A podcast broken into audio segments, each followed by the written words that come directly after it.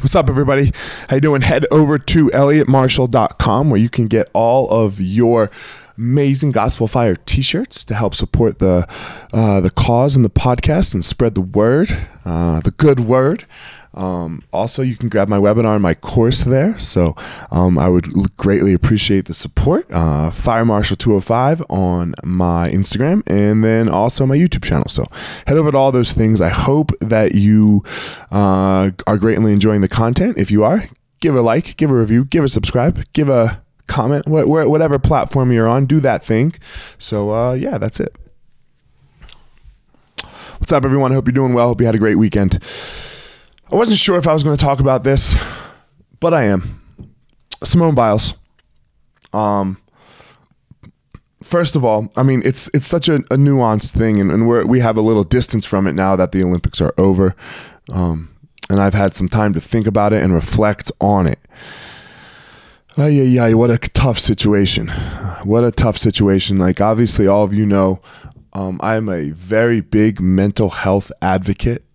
Um, I struggle greatly myself. So, um, to, to, to say that I don't have sympathy for Simone and, and whatever struggle she's going through, uh, then that would be an understatement. On the same hand, right? On the same hand, I am not a fan of quitting. I don't think that it's acceptable to quit. I never think it's acceptable to quit. Um, you have to go uh, go walk out and fall on your face. Uh, I've you know I've I've done it. I've had to do it. It sucks. It's terrible. I'm also not a fan of of putting uh, the safety of an individual. Uh, I shouldn't say that, right? Because the, these sports are inherently not safe, but uh, extra unsafe right? I um, I don't believe in playing football with a concussion. I don't believe right things like that. So, um, you know, if you have a broken leg, you're not playing. And it so I don't believe in putting the safety of an athlete ahead of their quote unquote oh oh are they tough enough right like so and this situation has all of that going on right it, it has all of that going on and look here's the truth of the matter only simone knows only Simone knows. And she's going to have to live with that for the rest of her life. Does she have, did she have the twisties? It appeared so. But only Simone knows. So why don't we leave her alone? Why don't we just let it be? We, we, we can't say whether what, what she had. We can't, we can't say if she was going to be safe or if she was going to break her neck or if she wasn't or if she was quitting or if she wasn't quitting. We'll never know the answer to these questions. Well, it's just for her. It's just for her and, and the universe. And that will be the end. So, why do we care so much?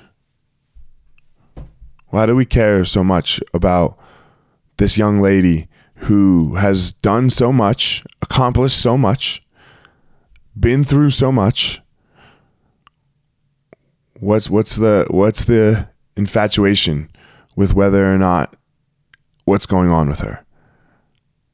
This is part of our overall issue is is we care so much. And I agree, she's a fucking role model. She she's a role model. You got hundreds and millions of people, little girls, young little black girls, young little white girls, young little everything girls looking up to her as though she's something more, uh, something so great. And she is great. She's the greatest of all time. But why do we care? It's got nothing to do with you. Zero. It's for Simone and God, and that's it. Discover your passion, find your purpose. Did I really just say that wrong? I did. Discover your passion, find your power, and then go give your purpose to the world.